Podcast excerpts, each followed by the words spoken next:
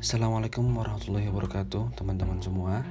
Uh, Alhamdulillah kita bisa ketemu lagi Meskipun hanya lewat suara. Alhamdulillah juga sekarang dalam keadaan uh, Ramadan Bulan yang sangat-sangat luar biasa menumpuk kebaikan-kebaikan pahala Yang sudah Allah siapkan bagi hamba-hambanya yang terus mengejar amal-amal baik. Ya uh, sebenarnya pengen ngomong aja sih, pengen ngomong tentang mungkin opini ya. Jadi tadi uh, setelah sholat subuh itu ada sebuah kejadian tanda kutip ya kejadian yang cukup mengusik perhatian saya pribadi kemudian juga mungkin beberapa orang di sana karena di masjid itu waktu itu ya habis sholat subuh biasanya orang baca Quran di situ sampai waktu syuruk waktu matahari terbit. Nah kebetulan ada salah satu orang tua yang membawa anak kecilnya uh, di masjid ya dibawa ke masjid dari waktu sholat sampai uh, orang baca Quran itu Nah, karena anaknya ini jalan-jalan ke sana kemari, kemudian cukup menyita perhatian. Ya meskipun anaknya sih suara anaknya nggak terlalu ribut sih, juga lari-lari tapi nggak terlalu apa ya riuh lah, tidak terlalu uh, sering lah. Pokoknya masih dalam batas wajar kalau menurut saya. Kemudian ada salah satu orang orang tua, dia ini ibaratnya apa ya menyindir menyindir orang yang bawa anak itu dengan sebutan yang mungkin cukup ya menyinggung sih. Apalagi itu kan di keramaian ya di keramaian dan jarak antara orang tua si anak dan orang yang menegur ini juga lumayan cukup uh, berjarak gitu cukup jauh lah. Dibilangnya uh, ini ini TK bukan? Jadi seperti pertanyaan menyindir gitu ini ini bukan TK ini tuh masjid tolong anak kamu bawa pulang aja. Kamu juga nggak baca Quran kamu cuma ngeliat anak-anak an, ngeliat anak mulai lari kamu ketawa kamu senyum. Udah mending kamu pulang aja. Ini tuh masjid bukan tempat uh, penitipan anak bukan tempat main-main anak. Tek gitu ibaratnya. Oke, jadi kenapa ini menjadi hal yang cukup menarik? Karena sekitar kayaknya tiga bulan yang lalu tiga bulan yang lalu saya mendapat sebuah uh, atau membaca sebuah uh, buku. Di buku itu dijelaskan tentang perkataan dari Sultan Muhammad Al-Fatih. Sultan Muhammad Al-Fatih ini kan kita terkenal sebagai seorang uh, apa ya Fatih. Namanya Fatih itu pasti namanya penakluk atau pembuka Konstantinopel Nopel Konstantinopel yang ada di wilayah Turki sekarang Oke, jadi perkataan Muhammad Al-Fatih ini cukup menarik. Beliau mengatakan, "Jangan pernah melarang anak-anakmu untuk bermain di masjid-masjid berlarian lah mungkin. Berlarian di masjid karena uh, dari situlah sebenarnya kebangkitan Islam dalam jiwa anak-anak itu tumbuh." Nah, ini sebenarnya menjadi sebuah pertanyaan kok kok tiba-tiba diksi seorang Muhammad Al-Fatih seperti itu. Tapi ternyata ketika uh, saya coba baca lagi lebih dalam ada memang sisi positifnya. Yang pertama anak-anak akan terbiasa dekat dengan masjid sedari kecil. Meskipun mindset pertama yang dibangun ketika masa kecil yang namanya anak-anak ya pasti melihat tempat bermain. Tapi it's okay karena memang masjid itu kan biasanya uh, luas kemudian tiang-tiangnya jarang dan tidak banyak uh, perabot di sana. Jadi lapang lah anak-anak itu pasti suka berlarian di sana. Nah mindset ini pasti tertanam dalam diri anak kecil pertama kali karena memang dunianya adalah dunia permainan ya. Jadi ya main aja di mana pun main. Nah ketika mereka sudah punya hubungan dekat dengan masjid meskipun dengan latar belakang e, permainan tapi lama kelamaan mereka pasti juga akan sadar masjid itu sebenarnya apa fungsinya apa perannya bagaimana insya Allah pasti akan sadar.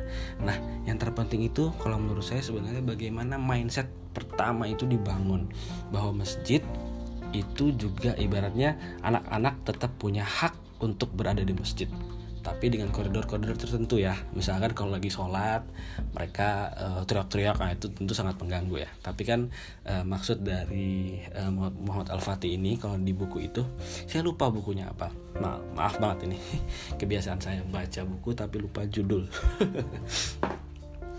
Beliau mengatakan ya seperti itu ya uh, kalau sudah selesai waktu sholat mungkin jeda antara apa namanya uh, zuhur sampai ke asar atau asar ke maghrib itu kan lumayan senggang ya sekitar 2 sampai 3 jam. Dan memang rata-rata kegiatan kegiatan uh, orang muslim di jam-jam segitu di masjid biasanya ya nggak ada. Mungkin masih kerja di kantor atau sibuk berjualan atau lagi di jalan dan segala macam. Nah anak-anak ini diberikan ruang untuk hadir di masjid. Biasanya kan kalau sore ada yang tadarusan pengajian. Ada juga yang sekedar main-main. At least membangun kedekatan pertama kali dengan masjid dimulai dari situ. Nah yang menarik juga bahwa masjid itu uh, apa ya belakangan bukan belakangan ini ya mungkin juga sudah lama dari dulu mindset yang berkembang. Terutama mungkin di daerah saya mungkin di lingkungan saya bahwa masjid itu hanya khusus untuk uh, beribadah dan juga uh, ya seputar sholat kemudian kajian agama dan lain sebagainya. Ya, mungkin cuma itu ya. Bahkan ada juga masjid yang ketika selesai sholat langsung ditutup. Bahkan yang udah selesai sholat itu kan lagi baca Quran itu sampai disuruh uh, disuruh keluar dari masjid. Padahal dulu uh, di zaman Rasulullah masjid itu punya peran yang sangat-sangat vital dan sangat signifikan dalam pembangunan umat dari berbagai aspek. Baik dari segi rohaninya, dari segi tarbiyah atau pendidikannya, dari segi skill, life skill juga, kemudian diskusi-diskusi bahkan tentang tata kenegaraan. Oh ya, satu lagi, bahkan dalam uh, latihan perang kalau tidak salah. Latihan perang itu juga dilaksanakan di masjid. Jadi lihatlah bagaimana Rasulullah menghidupkan atau um, apa ya, melengkap melengkap melengkapi atau melengkapkan peran masjid dalam uh, hati-hati kaum muslimin. Jadi uh, masjid tidak hanya untuk tempat sholat, masjid tidak hanya untuk tempat baca Quran. Masjid cukup atau mungkin uh, masjid hanya untuk tempat uh, pekajian atau ya yang bersifat ya tablik akbar segala macam. Enggak tidak sesempit itu tapi bahkan lebih luas. Dari situ semua hal bahkan uh, yang sifatnya aduh ada suara yang sifatnya apa ya universal seperti kenegaraan. Bahkan hubungan diplomatis pun itu uh, masjid masjid menjadi uh, salah satu faktor yang sangat sangat diperhitungkan. Nah makanya ketika kita melihat hari ini bahwa peran masjid itu begitu dikerdilkan mungkin di beberapa tempat ya di tempat lain mungkin enggak tapi ini bisa menjadi sebuah perhatian. Coba sekarang kita bayangkan uh, dalam waktu Ramadan ini aja kira-kira berapa persen sih uh, anak kecil usia remaja uh, balik gitu kan uh, sampai usia dewasa atau tua berapa persen sih yang ada di masjid ketika uh, ketika sholat tarawih ataupun sholat tahajudnya?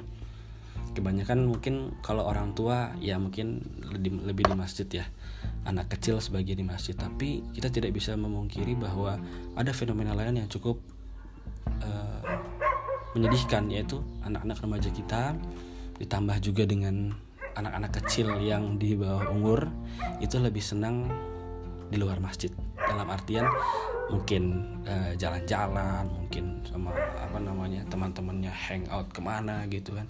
Padahal uh, nilai dari Ramadan itu Ramadan itu salah satunya yang terberat ada di masjid.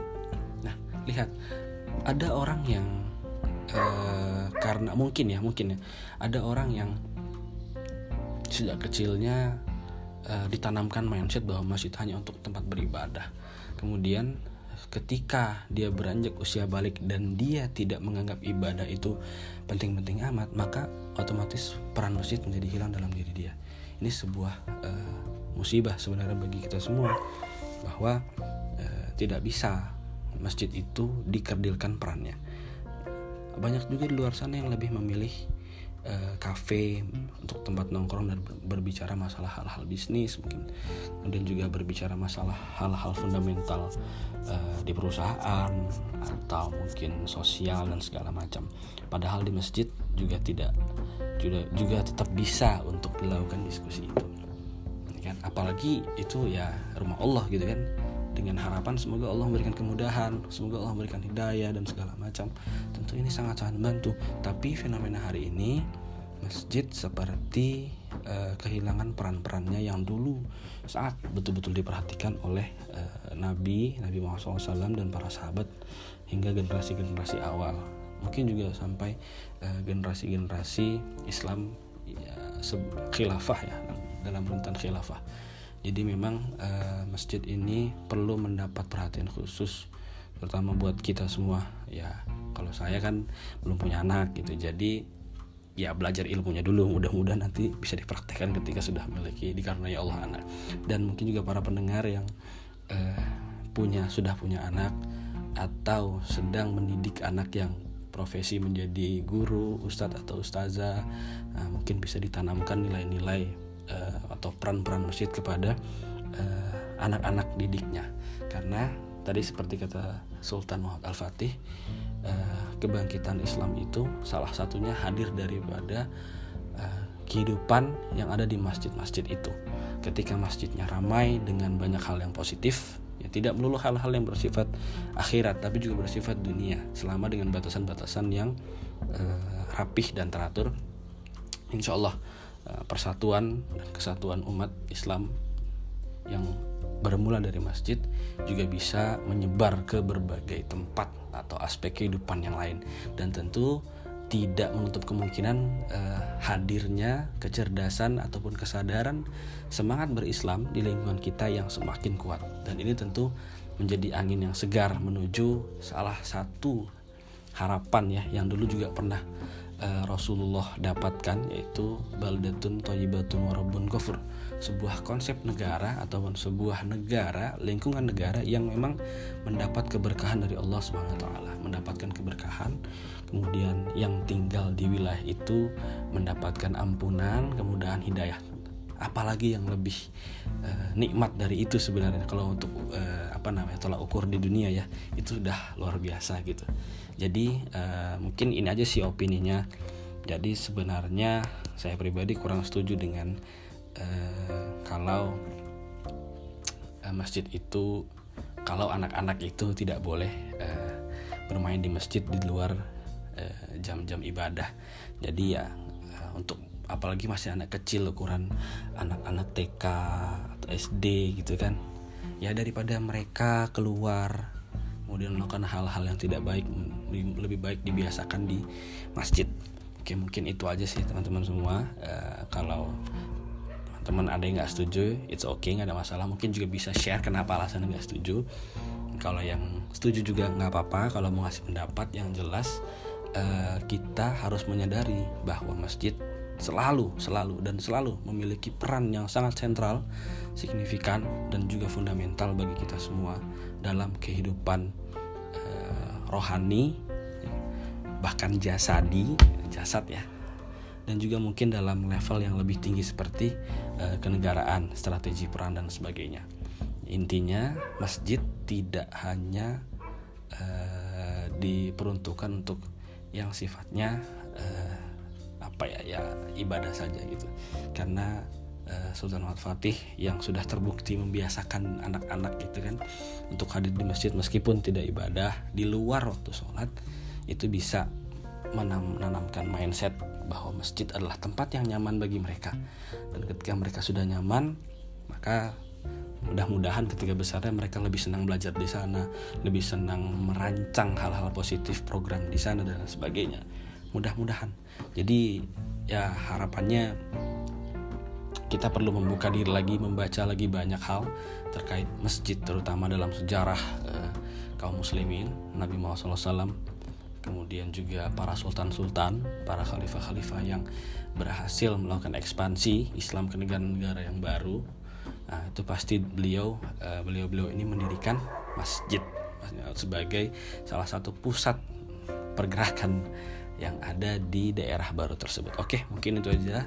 Uh, udah 15 menit. Makasih banget udah teman-teman yang dengerin. Hmm, ditunggu banget feedbacknya kalau ada. Oke, makasih banget dan jangan lupa untuk selalu lebih baik. Assalamualaikum warahmatullahi wabarakatuh.